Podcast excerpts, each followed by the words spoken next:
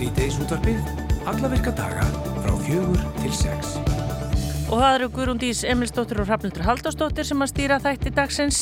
Við ætlum að ræða hérna á eftir vargöldina í eh, Svíþjóð eh, en þar hafa geisað stríð, glæpa gengja stríð og Úlf Kristinsen fórsýstur þegar Svíþjóðar er búin að lýsa yfir miklum áhugjum af eh, ástandinu sem þarna er í gangi. En hvers vegna er staðan orðin svona í Svíþjóð? Bjarni Pétur Jónsson frettamæður, hann hefur verið að fylgjast með þessu málu og hann ætlar að koma til okkar á eftir. Hvernafrítagurinn var fyrst haldin á Íslandi 24. oktober 1975 til að mótmæ mótmæla margvísleiri mismunum gegn konum á vinnumarkaðanum og þessi atbyrðu vakti heims aðtegli svo mikla að nú er búið að gera heimildamindum hann og hún varði forsýnd á sunnudag og Hrafnildur Gunnarsdóttir, kvikmyndagera maður er einn þeirra sem standa þessari mynd og hún ætlar að koma til okkar og segja frá. Snorri Másson, fjölmjölamæður, hann hefur stopnað fjölmiðlinn Snorri Másson Rittstjóri og við eins og eflust fleiri bara fögnum tilkominir að fjölmiðla og við ætlum að fá Snorra til okkar á eftir og segja okkur betur frá því sem að þarna verður á bóðstólnum. Og svo er það Gísli Martell sem að snýra aftur á skjáin í kvöld og hann allra aðeins að gefa sér tíma til að kíkja inn til okkar uh, áður en að uh, stóra stundin rennur upp og með honum verður Berglind Festival. Já, það er eitthvað breytingar og alls konar í gangi þannig að við fáum að komast að þessu hérna á eftir. Uh, svo er það tenorinn Alexander Jarl Þorsteinsson sem að uppgötaði ástriðu sína fyrir óperu aðeins fimm ára aldri.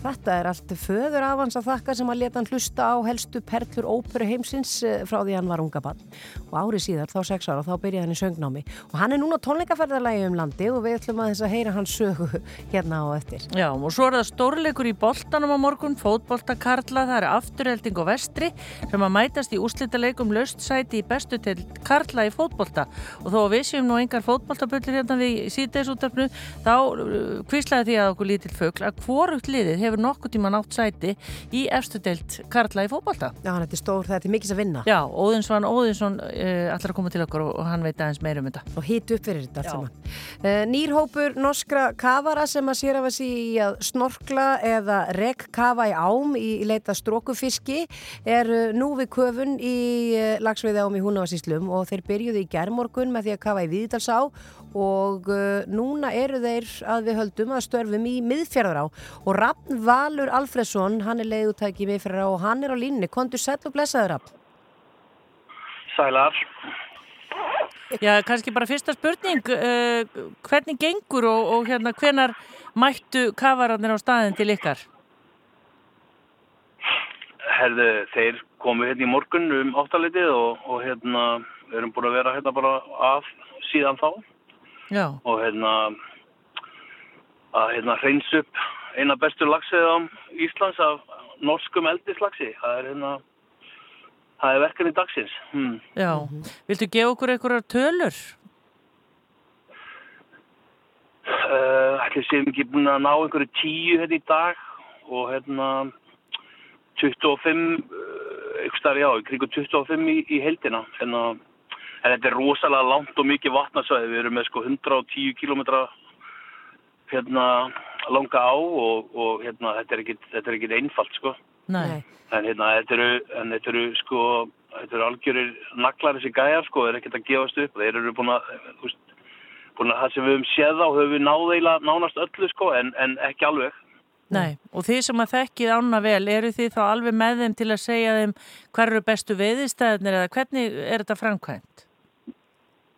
Já, við erum náttúrulega hérna, svo sem búin að kortleggja svolítið hvar þeir eru og, og hvar við höfum séð á, við höfum náttúrulega stoppað hérna, sérstaklega lokuðum lagsastíðanum, þannig að þeir fara ekki upp fyrir það og, og hérna, svo erum við bara hérna, við erum hérna frýr hérna með þeim og það er hérna ríki starfsmenn á vegum hérna Havró og Fiskistofu og það er hérna skarpinningarnir ykkar, þeir eru að fara í þetta núna. Já, en hvernig tilfinning er þetta rafn? Þarna eru menn í blöðbúringi, þetta eru norskri kafarar og þú ert að horfa á eftir þeim ofan í ána að veiða þessa fiska. Ég meina, er þetta ekki svo realist? Verður maður svektur að staðans í orðin svona eða ertu fegin að þessu mættir? Þetta er bara, þetta er daldi eins og í einhverju bíómynd. Já, þetta er þetta svona blendna tilfinningar sko, við erum þetta bara að taka hérna við erum í neyðar aðgerð út af einhverjum hérna, umhverfi sóðum hérna á vestfjörðum og, og hérna uh, þetta er bara neyðar aðgerð. Við erum með hérna uh, vilda lagsastofna sem við erum að reyna að bjarga og hérna það verist öllum vera sama. Uh, það heyrist ekki múk í ráðherrum, það er einhver umhverfisráðara sem hefur ekki hyrst í, hefur vinstri grænir sem eiga að vera sko grænir, þeir eru bara vinstri uh, nema á tillitugum og hérna við erum bara, þú veist, það er reyði í fólki með þetta. Og hérna og sko það er mikil reyði líka bara með þögnina, þögn ráðamanna. Og hérna um, hér er menn búin að reyna að byggja upp laxastofna, þú veist, og, og hérna, þú veist, í, bara síðan ég veit ekki hvena, sko. Og, og hérna og það að leifa sko eldi á, á, vilt, á, á norskum eldislagsi við strendur Íslands er náttúrulega bara fásina Já, einmitt. En hvaða tilfinningu hefur þú sem e, bæði leigutæki og mikill lagsveiði maður á að, hvernig þetta komi til með að ganga? Af því að manni finnst þetta fyrst eitthvað svo óhugsandi að þetta sé bara yfir höfuð hægt að kafa eftir lagsinum en þetta hjálpar samt eða hvað?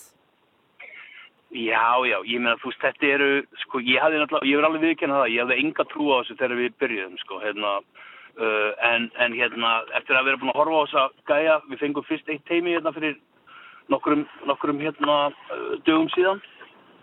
Og, og hérna, eftir að fylgst með þeimit í halvan dag, þá, þú veist, hérna, jú, þá er þetta ein leiðin til þess að gera þetta, um, en, en við náum aldrei öllu og, og það er náttúrulega, sko, miðfjara og er þægilega mörguleiti, sko með hún er svona til dæla vasklítil og tær og það er auðvitað að sjá það og en sko ég held að ég bara, þú veist, stærri ár hérna nálat okkur og, og hérna árið svo blanda og þjósa og það er ekki að fara að reka hvað það er sko. En að, þannig að þú getur gert þetta sumstaðar en þetta er ekki, þetta er ekki þetta er neyðar úrraði sko. Þetta er ekki einhvern lausn sko.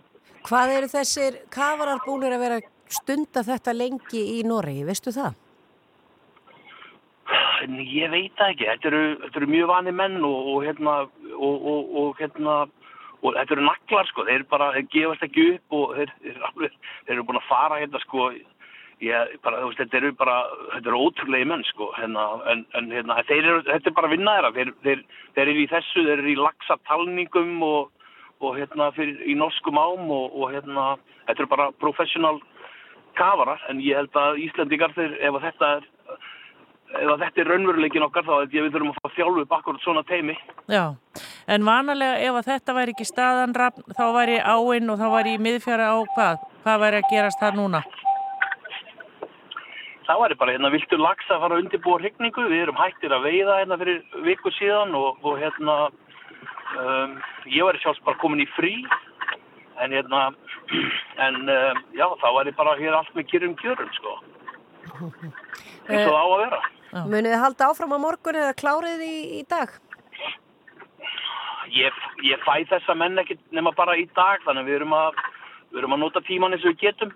Um, og hérna uh, en síðan eru við bara fartir annað. Þeir eru farið í flúta þeirra á morgun og, og eins og ég sagði á hann við erum bara svona klóra í hérna þetta er svona eitthvað yfirbort sko. Við náum ekki að, að fara yfir 110 km langt svæði á einum degi með fjórum köfurum, það er bara ekki hægt. Mm -hmm. uh, Rafn Valur Alfersson, legutakki meðferðar á, bara gangi ykkur vel með þetta og takk fyrir að vera á líninu hjá okkur. Hörru, takk að ykkur.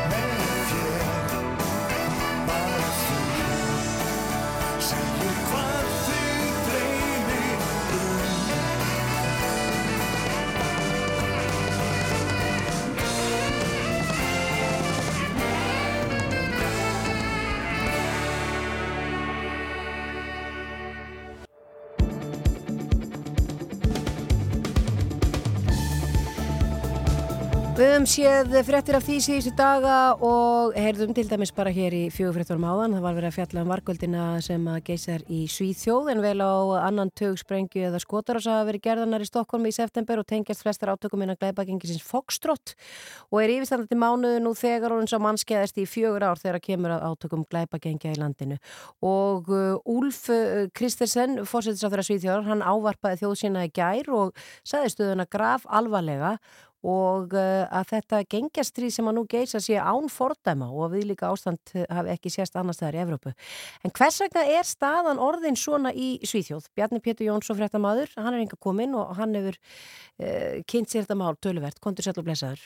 komið þið sælar. Já, ef þú bara tekur okkur aðeins að forsögu málsins fyrir þá sem að kannski ég þekki ekki vel til þessa máls. Já, ef að við, það er kannski spurning hvað við erum að fara langt aftur, en sko ef að við, eh, Kristelsson sagði það í gær að þetta væri, að ástandi væri vegna innflytjenda stefnu svíþúðar og það væri bara, það væri bara skýrt, hér var, eh, hér, við, við, við vorum ekki nógu hörð á því hvað við tókum við mörgum, hverjum við hliftum til landsins og svo kannski það sem er mikilvægara að samþættingin gekk ekki upp, eða þú veist við tókum ekki á móti öllu þessu fólki með réttum hætti Mm -hmm. og, og þá verður til að við getum sagt að fólk sem eru eins og leiðtógar þessara glæpasamtaka er annarar kynnslóðar innflytendur og að þau hafi uh, bara stjórnvöldum hafi ekki tekist að, að koma þeim nægilega inn í samfélagið þannig að þau hafi trú á því að þau geti verið í svíþjóð, fái í jöfn tækifæri og aðrir og geti aðlagast samfélaginu. Þannig að þetta eru jaðarhópar. Já, og þessi samtök, eða sérstaklega þessi fokstrótt glæpasamtök sem að þetta allt snýst um, þar eru, eh, ef við getum sagt, tveir armar, þetta eru svona bara stóru öflug glæpa og eitulífa samtök, þar eru tveir armar sem eru reyna að, reyna að eigða hinnum. Það er leiðtói annars armsins, heitir Rafa Majid, sem kallaður kurdarefurinn, þetta er svona ægilegur hérna, og vel þekktur í sænskum fjölumilum og hann er leiðtói annars hópsins og svo er uh, Tyrki sem er leiðtói í hinnum, þeir eru báðir uh, annara kynsluðar innflytendur og allar þessar árásir, eða velflestar, beinast sem sagt að ættingum eða vinum Majids. Það er sem sagt, annar hópurinn er raunin bara að vera reyna að gera allt til þess að eigða hinnum. Mm -hmm. Og þessar árásir eru farnar að bytna bara all hressilega á sænskum almenningi af því að eðlilega við erum komin í yfir 20 skot og sprengju árásir í Stokkólmi, í Uppsölum og miklu víðar og, og það sem er kannski alvarlegast í þessu er að það eru bara hennar börn eða ungmenni að fremja flestar þessar árásir. Bara allt niður í 12-13 ára. Og þetta er þá börn sem að eru þá að reyna að ganga í auguna og glæpafóringja sínum. Já, þetta er í rauninni, ef við getum kallað það inntökubrófið. Að þú, hérna, þú ert velkomin í samtökin ef að þú ert tilbúin til að fremja einu svona árás Mm. og þá ert þú orðin fullgildur meðlumur. Og það sem að, sko, st- sænska stjórnin eða stjórnvöld vilja þarna taka í bremsuna sérstaklega af því að kerfið virkar rauninni þannig að þú, ef að þú ert dæmdur fyrir morð, þú ert 13-14 ára, þá færði í rauninni kannski 2 ára fangilsi, 3 ára fangilsi.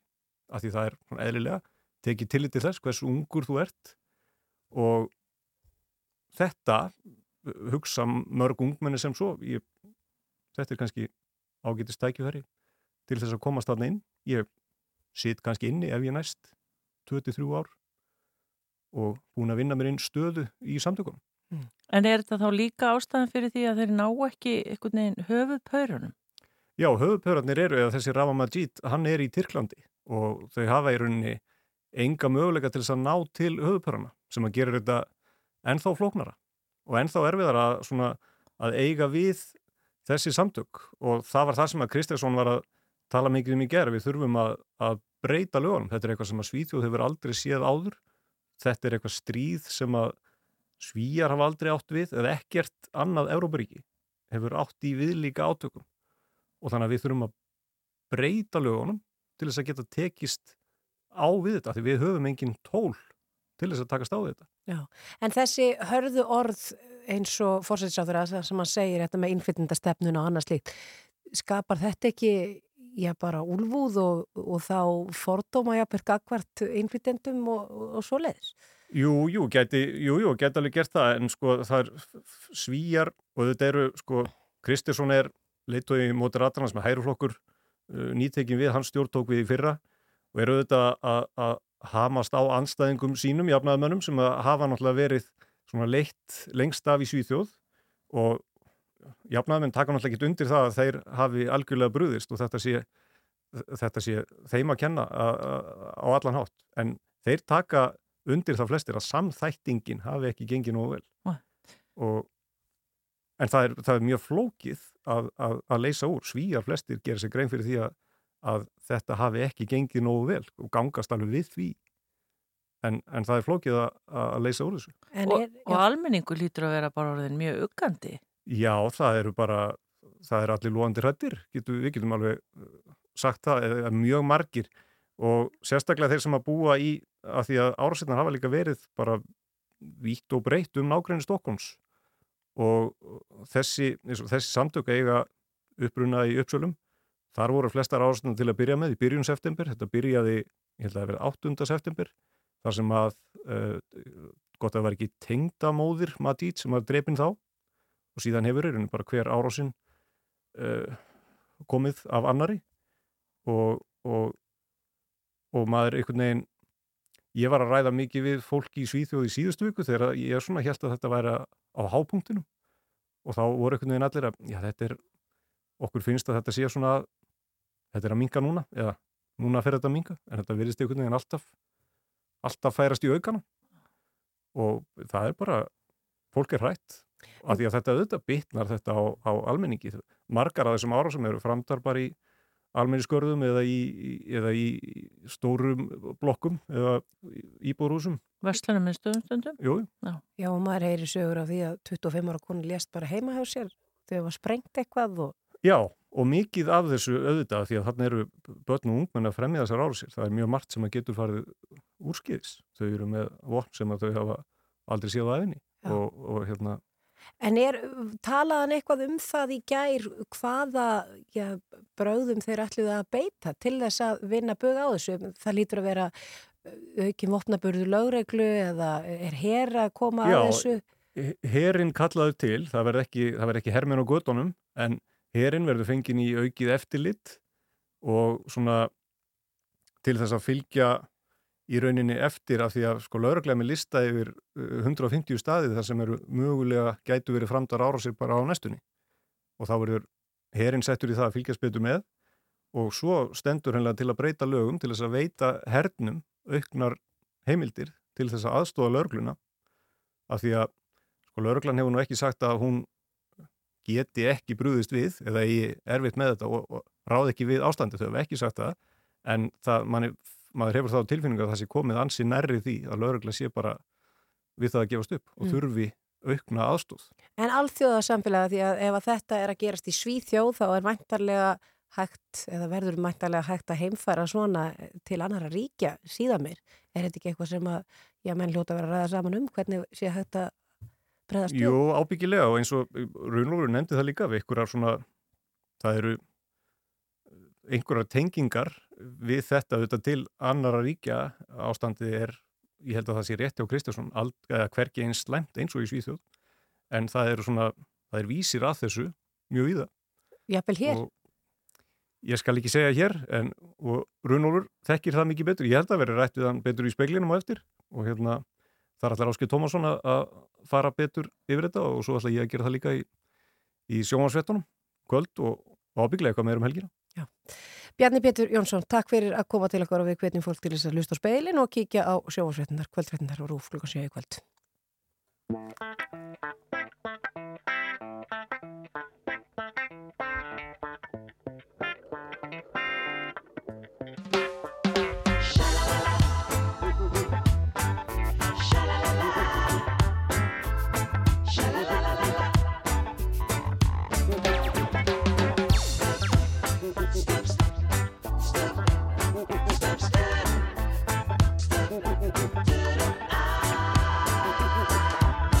Taktu þessa trómu og tegð á hana skinn. Beldu þér svo vísu og vektu mannskapinn. Stringdu hár í hörpu og hafðu þína raust. Þessi heitu hjörtu hamast skiliðis löst Þetta er allt sem ég óska mér. Að ég geti glaðst hér með þér. Engar áhyggjur, þetta fer allt vel. Einhver dag trúðu mér. Stillum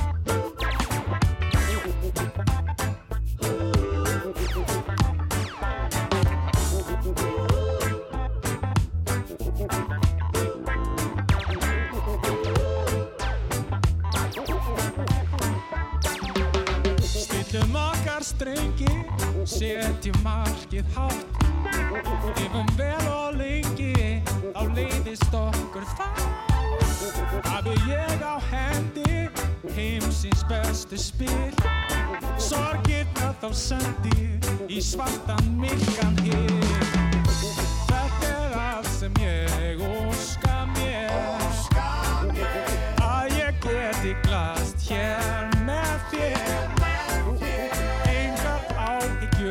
fer allt vel. Einhver dag trúðu mér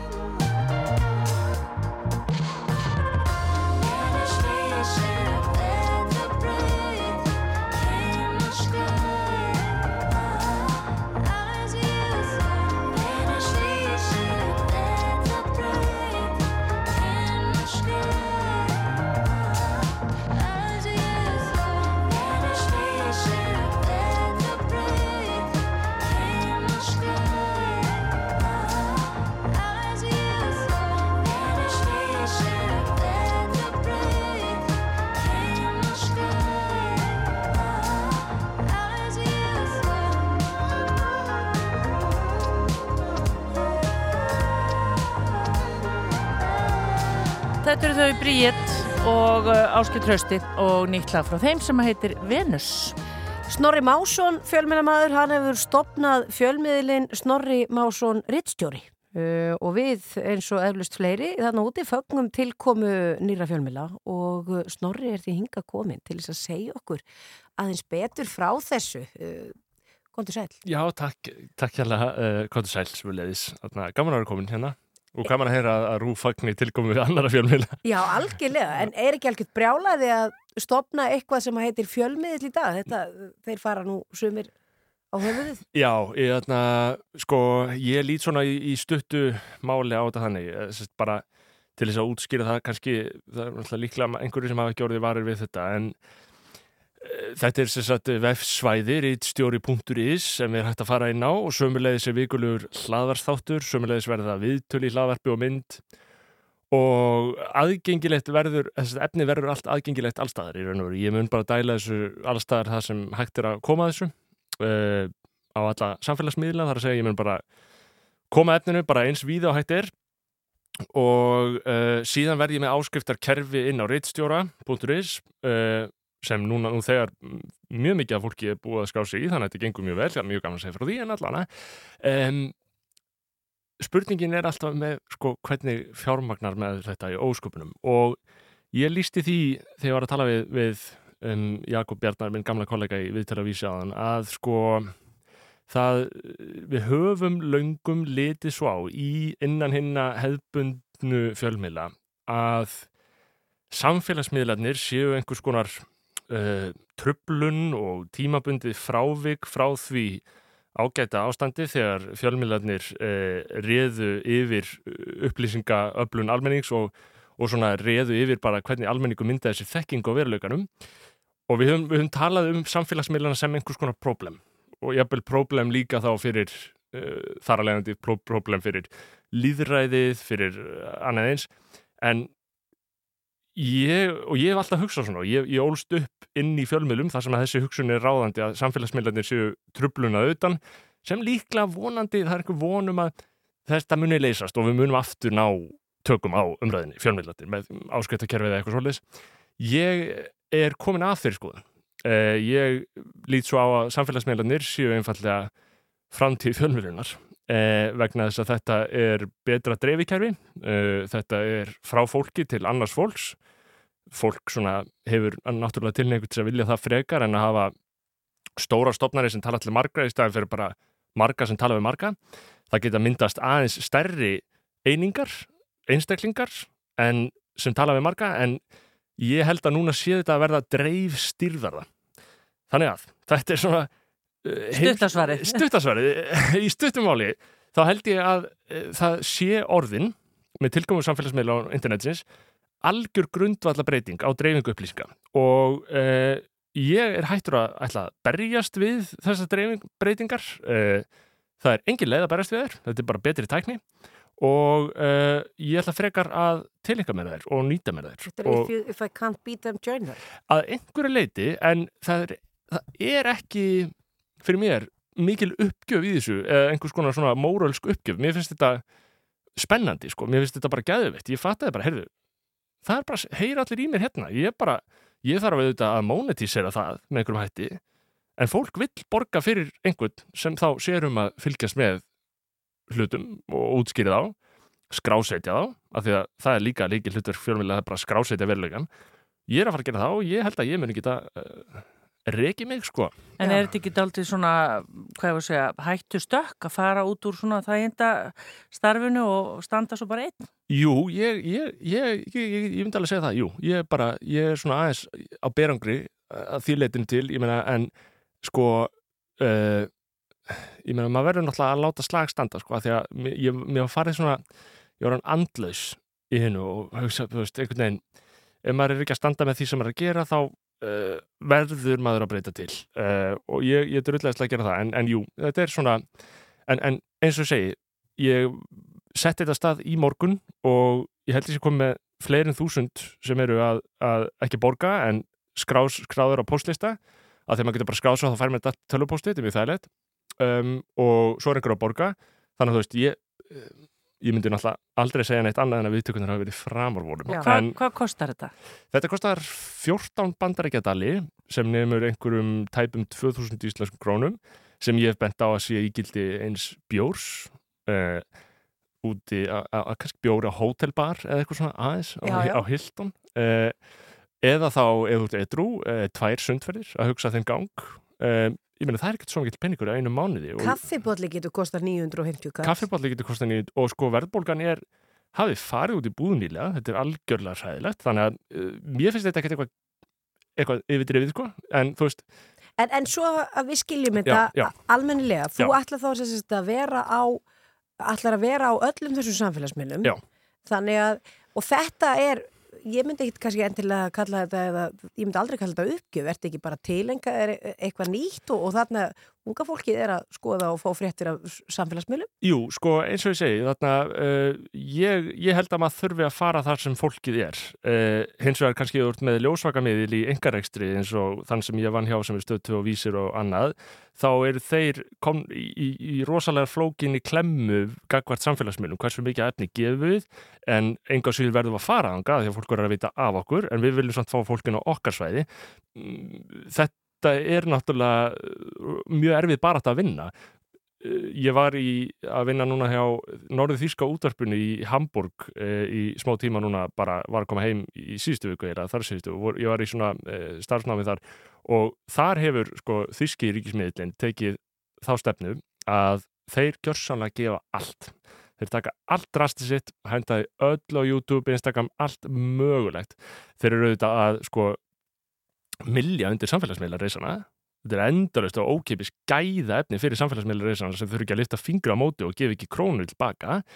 En ríkismiðin er í baráttu fyrir lífi sínu þannig að eh, ef hann samfærir ekki fólki í landinu um að hann sé, nú er ég kannski að gefa rúf vondar hugmyndir um að fara í samkynningu með og harða samkynningu, ég veit að rúf er auðvitað líka í, í, í þessum hugleðingum að sko ef að, ég held að þjóðurinn hugsa þetta eins og svo, ef að við förum ekki það sem fólki er þá mun ekki fólki vita á okkur af því að uh, meðal áhorfið á línulega dagskrá aldurinn þar er, er orðin svo hára að það bara er, er, það stefnir í óefni ef þið gera þetta ekki. Þannig að svona þessi kollektífa uppgjöf gagvart eh, og ægivaldi samfélagsmiðla er eh, runnin upp og að mínum eh, og það þarf þá bara að beisla þetta sér í hag og svo held ég að samfélagsmiðlar, þeir muni sjá sér hag í því að þeir sem skapa efni inn á samfélagsmiðlum ef það nær til allra og virkar og er gott þá sé þeim umbunað, bara rétt eins og svona áskriftarkerfi virka, rétt eins og OnlyFans virkar, þú veist. Þetta er, þetta er, það er, það er, það er klám fyrir þá sem ekki vita. Eh, og þar, þarna, skilur það er bara, þeir sem eru vinsælir, þeir bara fá borgað. Og ég held að, að þetta sé framtíðin og og ég er rosalega spenntur þetta er, þetta er, ég, bara, ég hef ekki haft gaman í vinnunni lengi sko. Já, það eru góða á mínu, fréttir. á mínu, á mínu fretta OnlyFansi Við bara hlökkum til að fylgjast með þér og segjum bara áfram Snorri Másson, fjölmjölamaður og já, hvar, hvar getur fólk nálgast þetta segir? Ég myndi bara skella þér inn á rítstjóru.is Já. Þú getur líka að fara að alla hlaðarsveitur leita bara að Snorri Másson rítstjóru googla bara Snorri Másson rítstjóru, ég er á Twitter ég er búin að hlaða þessu öllu þar einn, ég er á YouTube finnið þetta, ég er allstaðar og frétti vikunar, þátturinn núna var aðna fjörur, þannig að ég mæli með að horfa og svo skella þér á postlistan og það er mjög mikið spennandi tótalegni. Já, ég skal trúa því. Snorri Másson, takk fyrir komuna og, og gangið vel. Takk fyrir að fá mig góða helgi.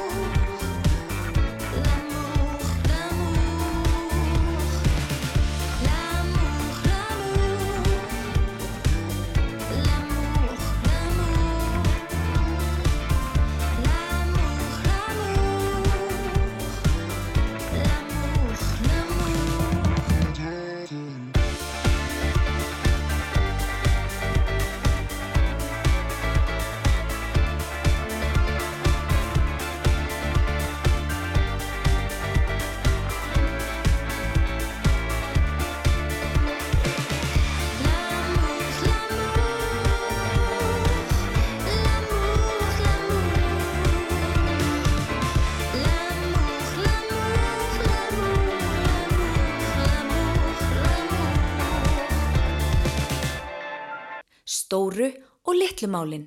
Frá fjögur til sex á Rástvö.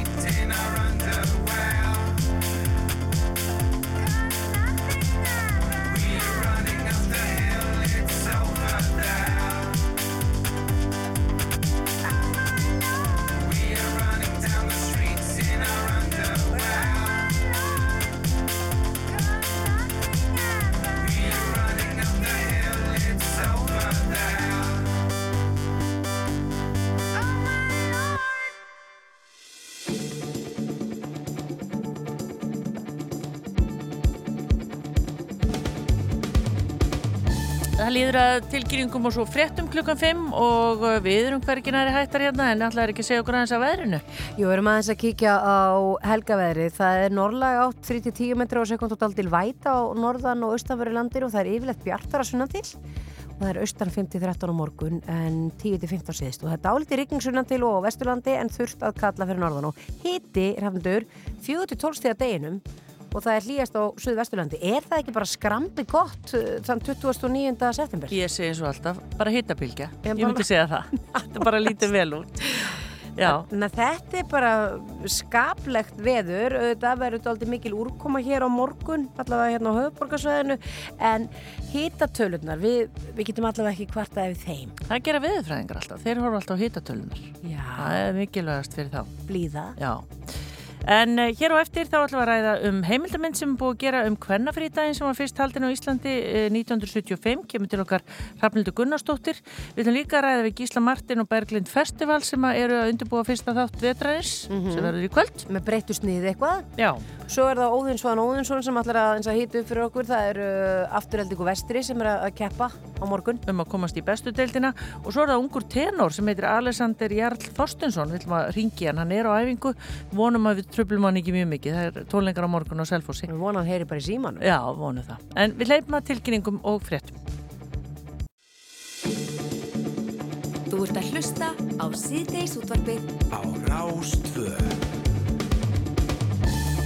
Það er vantanlega ekki farið fram hjá neinum að það er mikil og stór kvikmyndaháttið í gangi á Íslandi sem heitir Riff og á sunnudaginn þá eru þeir forsýnd mynd þar sem heitir The Day Iceland Stood Still og hún fjallar í stuttumáli um hvernafrítaginn sem var fyrst haldin á Íslandi eh, þann 24. oktober 1975 og það var til að mótmæla margvísleiri mismunun gegn konum á vinnumarkaðinum og vekja aðtekli á framlægi hvenna til samfélagsins.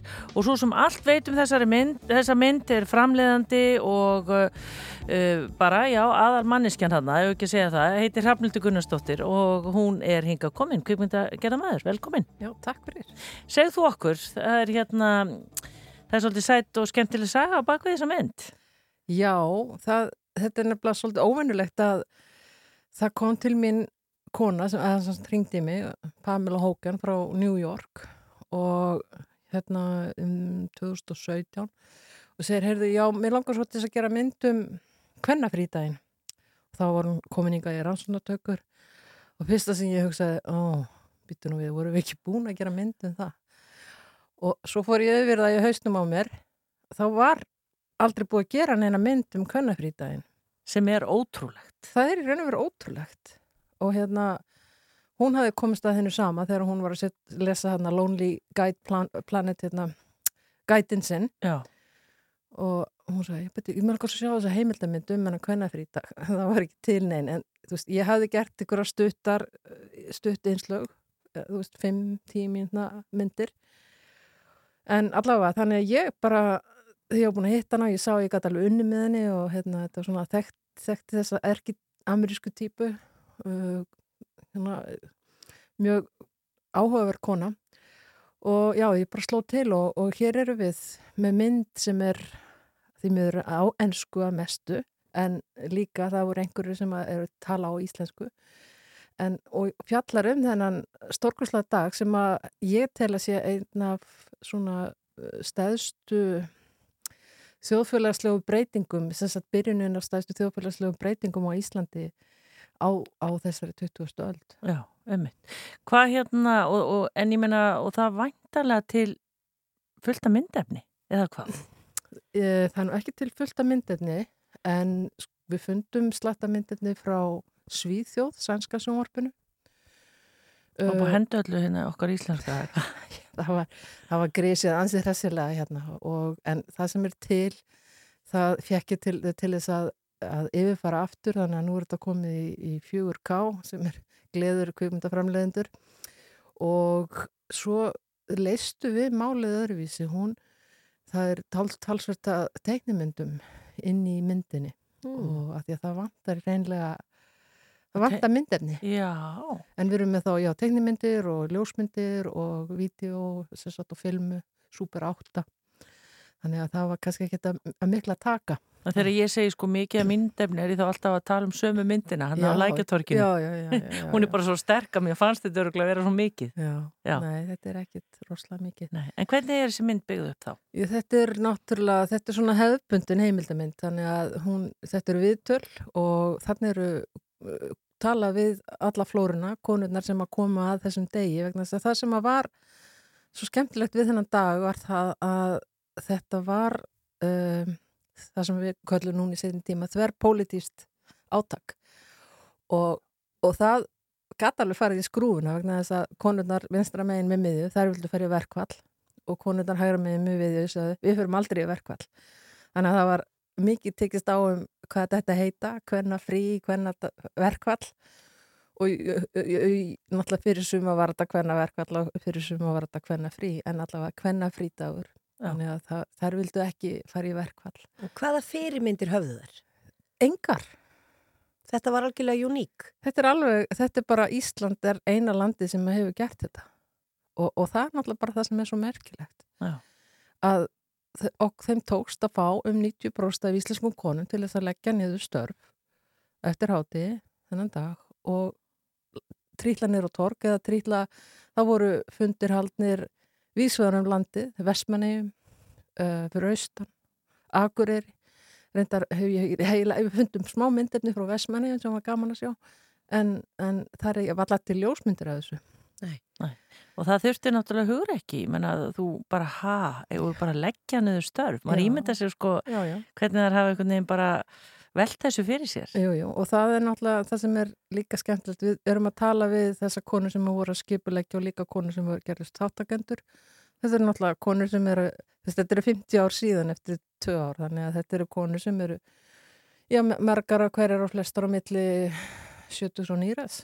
Já, og þarna var nú ekki samfélagsmiðlar eða neitt annað til þess að skipuleggja slíkt og segja, já, stefnu klukkan þetta gerum við þetta. Þannig að hvernig, ég, þetta er bara, þetta er Já, ókvæmslega. hvernig tölur það er við hver aðra? Já, það er bara, það var ringt.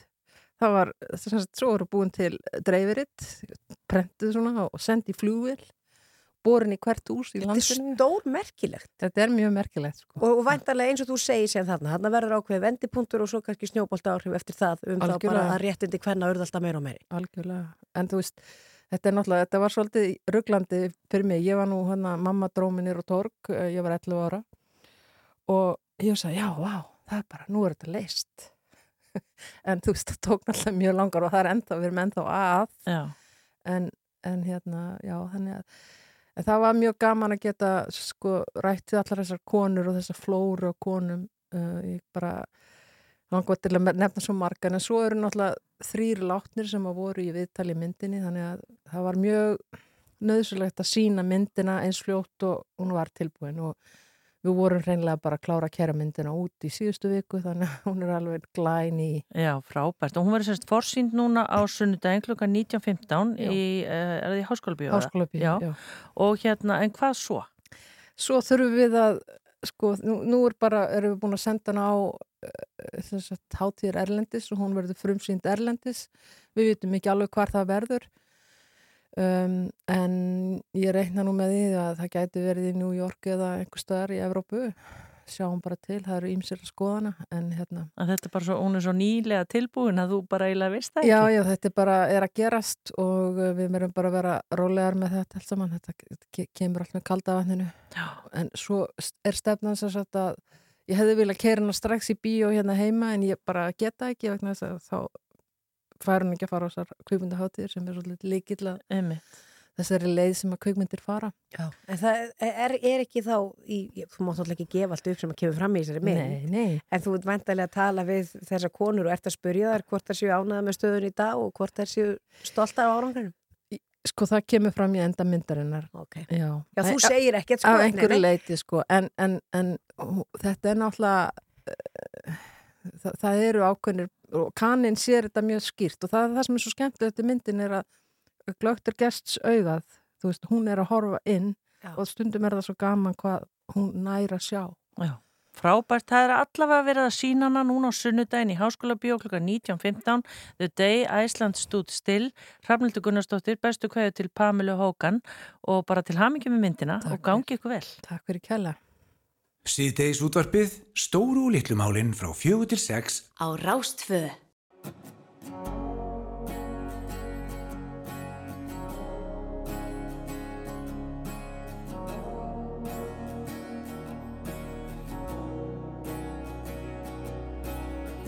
Ég er með vorbóða í vasanum. Þegar ég rölt af stað með þér. Ég elska lagi minningar því að gleyma mér með þér. Hvað er betra en kvöldin. Þegar kæru leysi tók völdin. Það er stundin sem ég fæ aðeins með þér. Þegar þú sem hjörtu slá í takt. Að þú sétt hjá mér, það er allt Þó að nóttin mæti verður aftur bjart. Þegar þú sem tjörtu slá í takt. Ég finn orkunum magnast, margfaldast Dag og hveður sólinn sest. Þúsund andlit allt í kringum mig En þitt bros gerir mest. Hvað er betra en höndin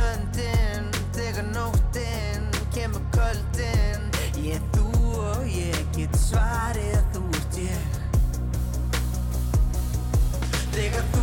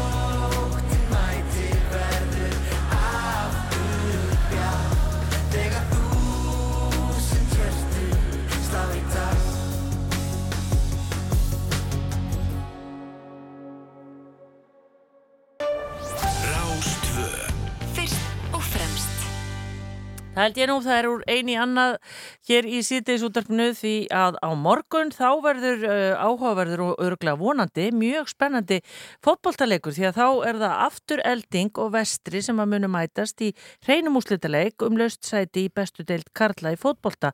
Og hingaði komin Óðinsson Óðinsson sem allt veit um uh, fótbolta og þessi lið. Það kvíslaði að okkur lítill fögl Óðin að þetta að hvort liðið hefur keft í efstu deilt áður eða bestu deilt Og tæknilega séð er það rétt, afturölding hefur aldrei verið í efstu deild, en vestri sem félag í vestri hefur ekki verið, en Ísverðingar áttu liði í efstu deild fyrir einhverjum 40 árum. Já. IBI held ég að heiti, þannig að jú, það má segja að þau hafi ekki verið í efstu deild, þannig að það er, það er hellingur undir. Já. Já, en hvernig, ef að, er, er, er minna, eins og vestri, er, er þetta eitthvað öskubusku ævintýri eða eru þeir búin að vera að standa sér svaka vel? Já, það hefur verið mikill uppgangur í boltanum hann fyrir vestan síðustu ár og þeir voru lengi vel í annar deild og svo núna í fyrstu deild sem er næst stærsta deild og raunnið það sama með afturheldingu þannig að þetta eru tvö öskubusku æfintýri og svona oft er að hlutlusur horfa á þá halda þær með öskubuskunni sko þannig að það er kannski spurning hvað hlutlusur hverjum þeir halda með á morgun. En það sem er sko nýtt núna það var svona ákveðin breyting á fyrirkomulegin í deildinni. Vanalega hafa bara farið tvölið beint upp en núna fór eitt lið upp og svo fóru fjögur lið í svona umspil. Spiluðu heim og heiman og enda svo í úrslitaleg á laugardalsvelli sem er náttúrulega risa stórt líka bara fyrir leikmenn sem er að spila í næstustu deild að fá að spila bara á stærsta sviðinu í einum leik.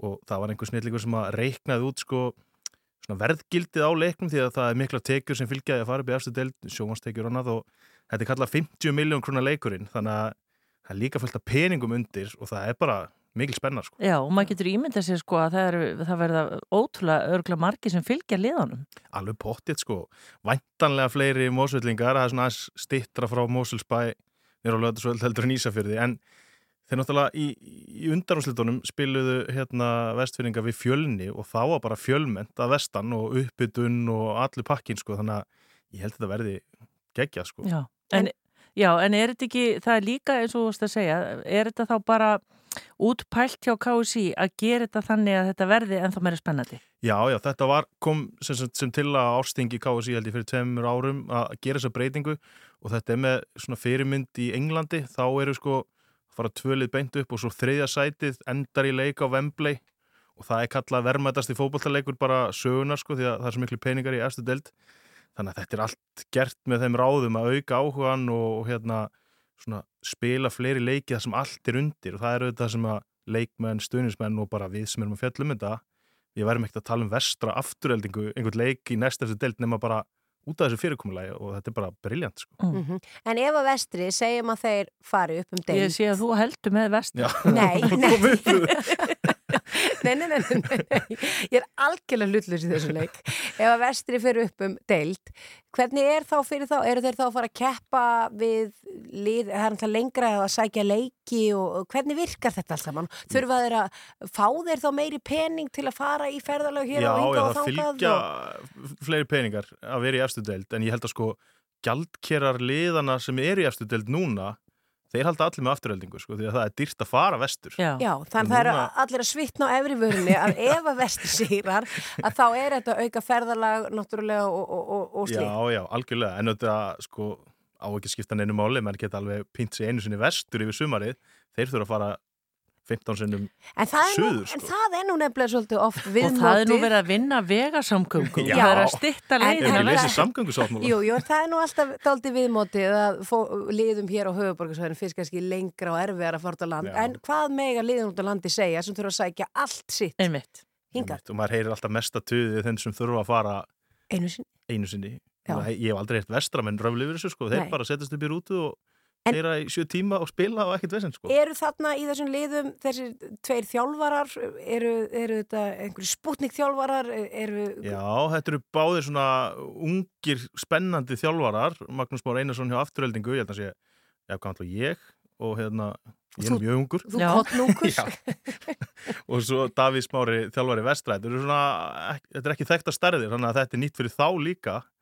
Og hérna já, svona, já efnilegir þjálfarar báðir sko og hérna líka í liðunum efnilegir leikmenn. En Spennandi. auðvitað er sko til þess að halda lið út á vestfjörðum þá þarftu fleiri erlenda leikmenn. Bara Eli Málsins samkvæmt til að fylla upp í lið þannig að það er svona, það er svona ólík liðin, það eru fleiri erlendi leikmenn í vestra í blandu heimamenn en kannski fleiri heimamenn í, í afturöldingu.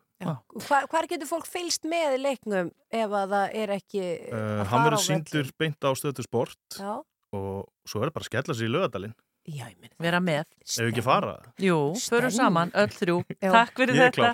Óðinn Svan Óðinsson, veistu klum hvað leikurinn er? þrjú Þrjú. uh, Við skulum aftan með það, já, Já, já ef það er hann ekki rétt hjá þér þá er það segjum þrjú, annars leiðrit við það hér eftir smástund. fjögur, hann er fjögur Hann er fjögur. Þar með leiðréttist Já, það. þar með leiðrist það. Og ég- við fengum hérna ábendingum meðan við vorum að tala um það að það er allt stíplað í ártúnsbrekkunni. Já. Og við, við að senda okkur hvort það væri nokkuð allir á leiðinni í löfskólarétt í Skagafyrði. það kemur ljós. Eða bara í Mósó. Getur líka verið á leiðinni í Mósó. eða vestfyrringar að koma í bæinn Getur verið. Já, já. En við bara sendum hverju. Mósvellingar eru allar að laðra stað í Ég veit bæinn. ekki um það, en allavega þessu koma framfæri. Andar Ólega, takk fyrir þetta Óðinsvann. Takk ykkur fyrir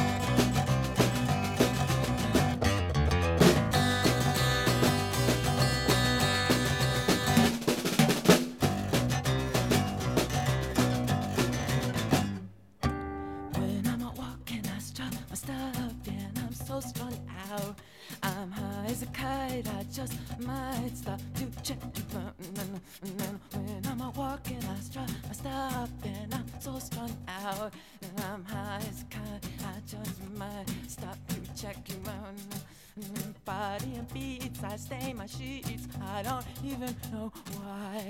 My girlfriend, she's at the end. She is starting to cry when I'm walking. Stop, stop, and I'm so strung out. I'm high as a kite. I just might stop to check you out. Let me go on,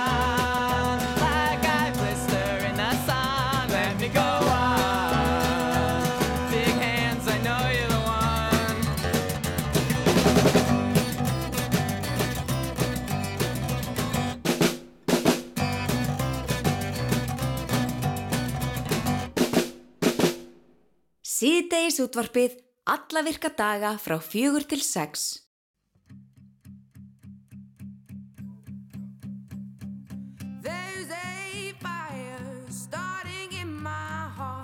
Reaching a fever pitch and it's bringing me out the dark.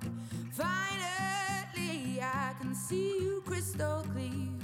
Go ahead and sell me out and I'll lay yours, bitch, babe.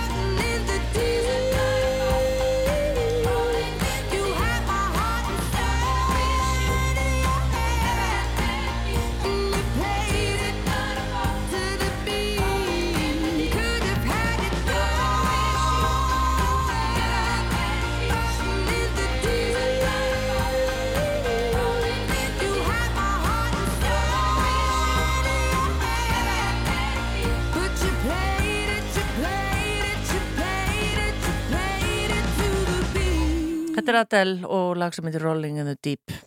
Alexander Jarl Þorsteinsson er ungu tenor uh, sem að uh, ég held hreinlega hafi ákveðið að verða söngvari þegar hann var 5 eða 6 ára gammal. Hann er á tónleikaferðarlega um landið og við hafnum vorum búin að segja frá það hérna fyrir þetta um hann ætlum hann að ná í hann. Já, hann væri á æfingu en við freistuðum þess að ringi hann og hann er á línni. Hvað er sætla blessaður? Já, góðan daginn. Uh, þú ert að æfa fyrir hvað síðustu tónleikana í þessari lótu hér á landi á Selfoss og morgun ekki satt? Jú, það voru hérna fyrstu tónleika síðustu helgi á Höfn og núna er ég komin til Eyja, já, og Selfoss á morgun. Já. Og uh, já, þetta er búið að vera algjörst æfintýri. Það er raun og vera algjör draumur fyrir mig líka. Já. Er þetta fyrsta svona tónleika ferðalagi sem þú ferða á um landið? Á, á Íslandi, já. Þetta er fyrsta tónleika ferðalagi mitt. Mm -hmm. Eða svo ég muni, ég veit ekki hvort ég hafi gert það þegar ég var yngri. Það er svona einhver menn er allt svona saman í sinni með einn kassa. Ég mann. Já. Eftir hellinga tónleikum, ég man ekki eftir einu ferðalagi samt. En segðu okkur aðeins þína sögu. Þú færð ungur, mjög ungur áhuga á óperusöng sem er kannski svolítið sjálfgeft.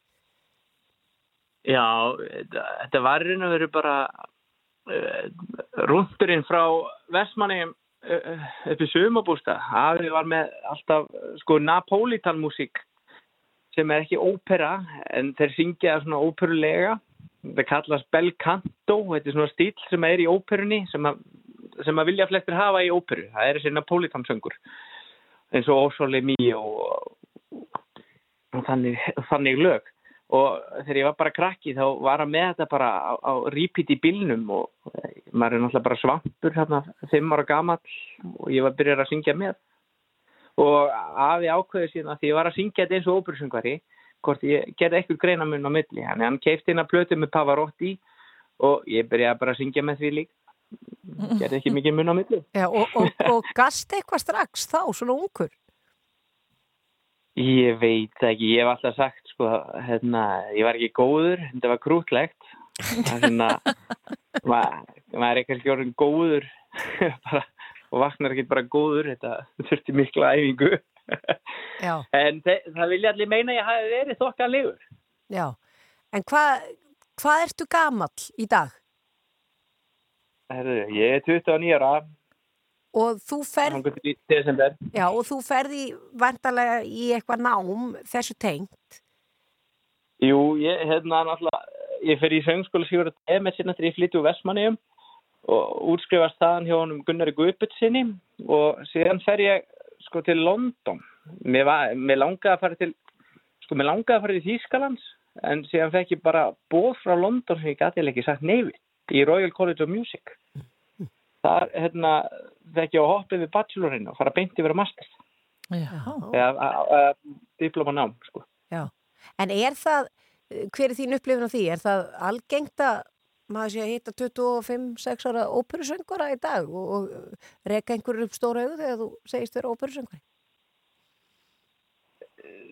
Sko, þetta er svolítið skrítin spurning. Ég er náttúrulega þekki ókýrslega mikið af óperusöngurum á þessum aldri en það er einhvern veginn alltaf allir jafn hissa. Allir sérstaklega hérna því að þetta er, þetta er alveg vinna sem en þetta er svo mikið áhugamála fag að vera söngvari á Íslandi. Þetta er alveg vinna, sérstaklega úti á Ítalíu. Það er, hérna, það, það er vita allir, það er miljón söngvarar. En það eru allir jafn ánæður að vita á sér söngvari. Það er svona, einhvern veginn allt, allt öðru í sérna. Ég fæst um að borða frýtt bara því ég er tenor. Já. Já, og Það tekur maður veit ekki hver ég er. Nei. Og hérna, Þá tekur þú bara sólið mjög og þá bara komin matur í Já, hendunar bara- að þér. hérna, það var reyndar held, góð saga hérna. Ég var, að, hérna, var á Ítalíu og þar var svona píanó á veitingastaf og ég ákvað hérna en eftir kvöldmatinn að ja, ég fer og tek eitt lag fyrir því að þið eru búin að vera svo góðum mér. Og ég sest í píanóið og byrja að spila ósólemni og byrja að syngja. Þar kemur einn sko, Amerikani til mín og sér Vágata hljómar vel á ítölskum maður. Það er búið að þýða Elvis. Þetta er sönn saga. Þetta er sönn saga. Já. Þetta er gott, þetta er gott. En Alexander, það þurfti sko að flýta tónlingu sem áttur að vera með annarkvöld í, á Selfossi til, sem þeir verða klukkan 5 er það ekki á morgun í Selfosskirkju. Jú. Af því þú varst bara kallaður aftur út, þú varst bara að fara að snemma á, á, til hérna útland á ný, í ný verkve- verkefni. Já, það var sem sagt, hérna, það er sko, ef ég þýði þetta svona yfir á lélega ennsku, Opera Festival on Sea, Opera Festival viðburður á sjónum, sem sagt, þetta er svona, svona grand snekja sem að var, er að halda, já, þetta festival í gegnum Radio Classic í Fraklandi og, og tenorinn, fyrsti tenorinn datt út og síðan var annar hérna, sem að komst ekki að því að hún var bara skuldbundin annar staðar. En ég er þriðja optionið, en þeir vildu, hafa, þeir vildu fá franskan tenor. En þeir fá bara betra, þeir fá íslenskan tenor. Já, já, já. Spennandi. Hérna, og þetta er sagt þannig að það verður farið hérna frá uh, Róm og silt hérna til Korsika og séð með fram hérna ströndinni frá Spáni alveg niður á Malaga. Og þarna þurfti ég að ég þurfti að læra hérna bara eittir og tíu, þrjár óperur á þreim vikum og þar er, er ég að fara að syngja La Traviata fyrsta kvöldið og sen er það Madame Butterfly Werther og Carmen Já, þegar maður heyrir þetta, Alessandri, þá hugsa maður, já, maður er alveg saman, maður hafi verið kannski þriðji kostur, þetta veður geggjað. Já, við, þetta, svona, og þetta, þetta verður smá dekur, það verður dekra við mig þarna, sko. Það er búið að segja við mig að ég megi alls ekki vera að haga mér eins og sé í vinnunni þarna, ég á bara að vera í frí. Já. Ég sagði bara, ok. Ekkert máli, ég gerir það bara. Við skiljum þetta öll að það þurfa að flýta tónleikunum og selfos til klukka 5, það er bara eðlilegt. Já, fimm á morgun og hverju spila með þér á morgun? Hverju spila með mér á morgun? Já, er ekki Það er nú Symfóníu Suðurlands Já. og með mér í dag og líka síðustu helgi á höfn og síðan verði að rósa þessum stelpum í, í, í kórnum. Það eru búin að vera alveg æðislegar. Það er ekkert djók fyrir þær að, hérna, að taka að sér að syngja þessi ítölsku lög, sérstaklega Bryndisi og La Traviata. Það er mjög erfiður kórkabli fyrir þær, en það eru alveg að negla þetta, bæði á höfn og hérna í Vestmanni um náttúrulega, þetta eru algjöru snillingar. Já, bara til hamingi með þetta Alexander Jarl Þorstensson og allir áhuga samir í Selfosskirkja og morgun Sinfonilegust Suðurlands Kór og, og, og þú og bara gangið vel í framtíðinni, við munum sko fylgjast með þér. Já, takk kærlega fyrir. Takk fyrir spjallið, bless bless. Bless, bless. Já, þannig erum við búin að eiga, eignast hetju tenor. Það er ekki amalegt að vera að fara á þess að snekju þarna frá Róm. Og má alls ekki þykist þér að vinna. Til Malaga og syngja, ég þetta er alltaf hörku vinna, en Já. það er það, en hann er flottur. Síðdeis útvarpið, alla virka daga frá fjögur til sex.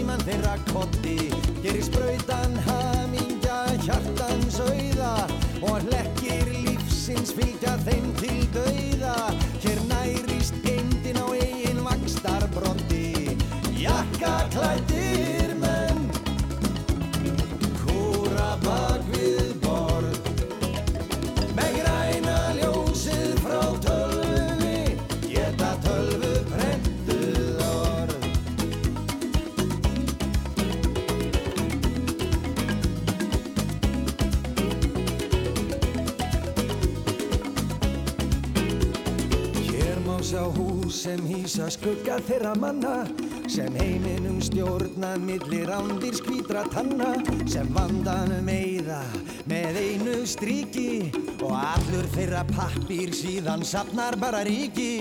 Og flokksvelin lofar að láta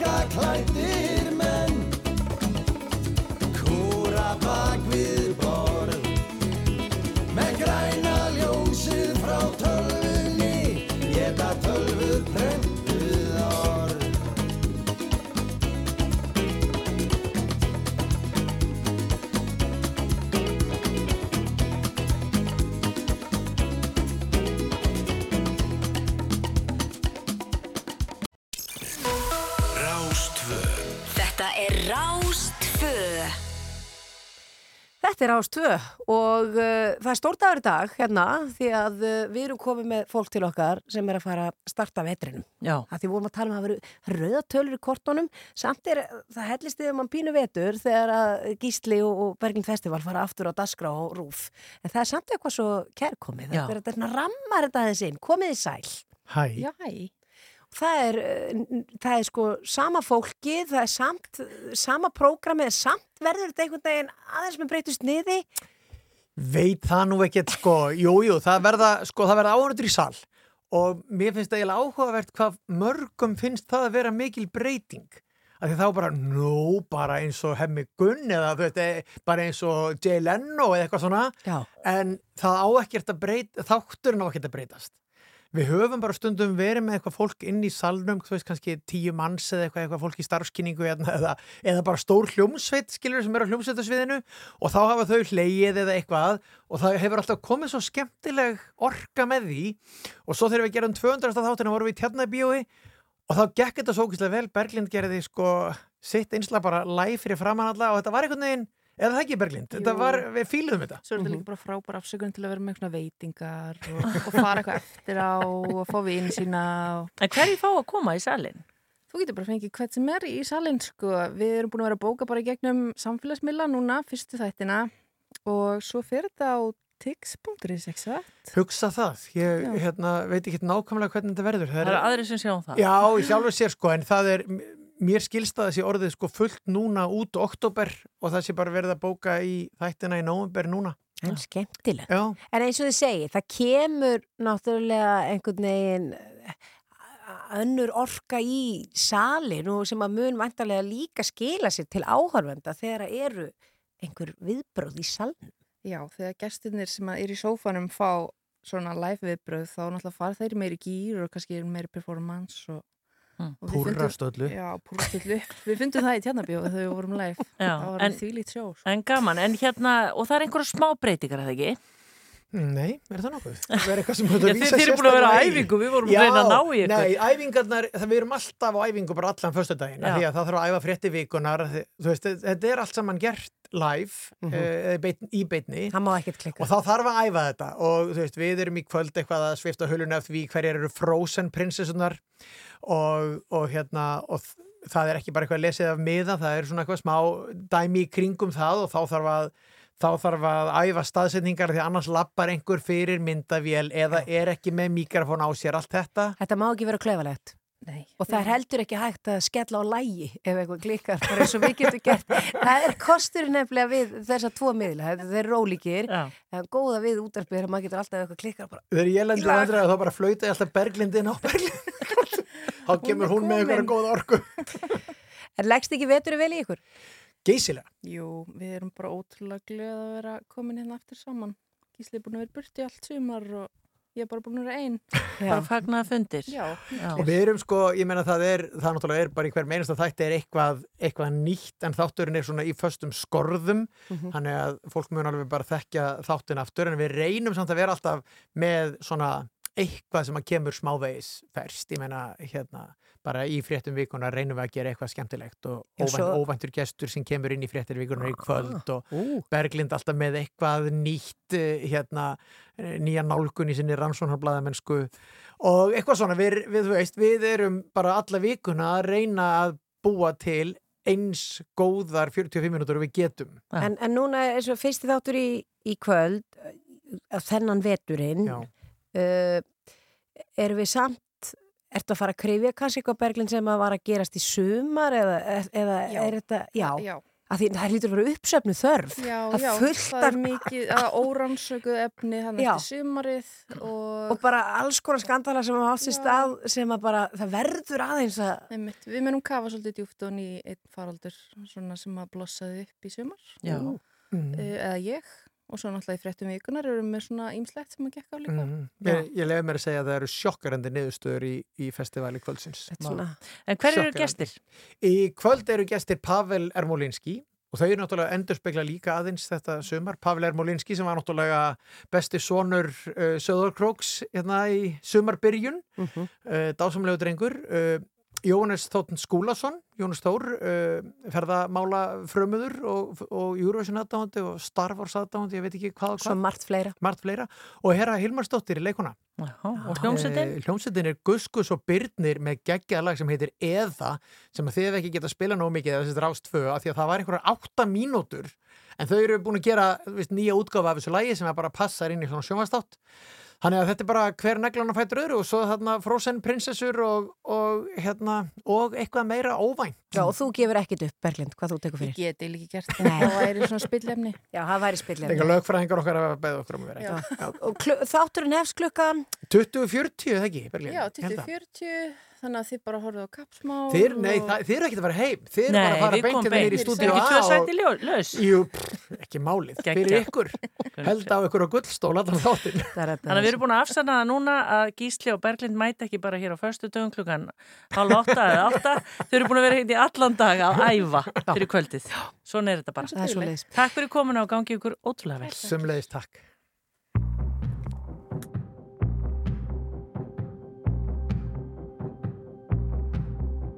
Ég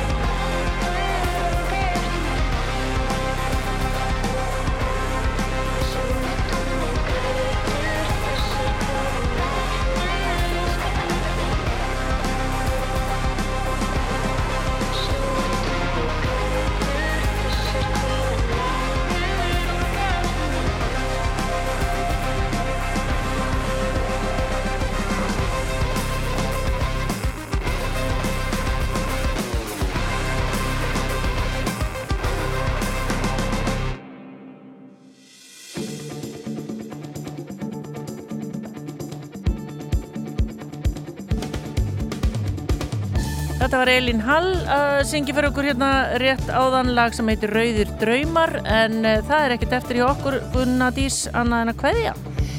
Já, já, við erum bara að fara að kveðja, það verður nóg um að vera þessa helgina, það er þessi leikur á morgun og, og Þessi það... leikur, það er laufskóla rétt, það er Gísli Martin í kvöld, Mhm. það er frumsýning í borgarleikursunu, Delirium Búbónis, stjórnin er í kvöld og morgun held ég Háskóla Bíó. Já. Vá, þetta er nú bara, sko, við erum náttúrulega bara landið er undir. Við erum að telja upp lítið brota brota því sem að hægt er að gera og það er líka það sem er svo hugulegt við haustið að þá uh, fjölga viðbörðum líka en meira svona einhverju kósi viðbörðum sem maður getur farið á og uh, ger sér glaðan dag. Einmitt það. En uh, já, við erum bara búin að koma við við í dag og, og hérna minnum bara á dagskrá uh, Rása 2 um alla, já, bæði kvöld, það er Föss og Óli Palli og svo þetta bara hérna um helgina, það er meðal annars sunnundasögur á sunnudag. Já, og svo er kapsmál líka á Já. uh, og uh, ég ætla líka bara að minna ykkur á það Bjarni Bjötur Jónsson kom til okkar áðan og var að fjalla um vargöldina í uh, Svíþjóð og uh, þeir ætla að taka það sérstaklega fyrir held ég bæði í speiklinum Já, og í kvöldfréttum Einmitt. Þannig að uh, maður finnur til með svíjónum Já, þetta er hálf ókvænlegt allt saman. Já. En bara njótiði helgarinnar og við hér í síðdeisútarpinu verðum svo aftur með ykkur á mánudaginn kemur. Takk kjærlega fyrir að hlusta og við ætlum að enda þetta á lagi sem heitir Frelsið og er flutt af Nýdönsk.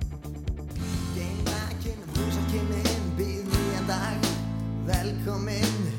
Strík framan úr mér mesta hárið. Norðangarinn feikir mér um kollin á þér sem þú liggur á grúfu. Andar að þér flóru landsins. Frelsið er indislegt Ég gera það sem ég vil. Skildri maður verða leiður á því Til lengdar að vera til Frelsið er indislegt Ég gera það sem ég vil. Skildi maður verða leiður á því Til lengdar að vera til? En er fullt af mál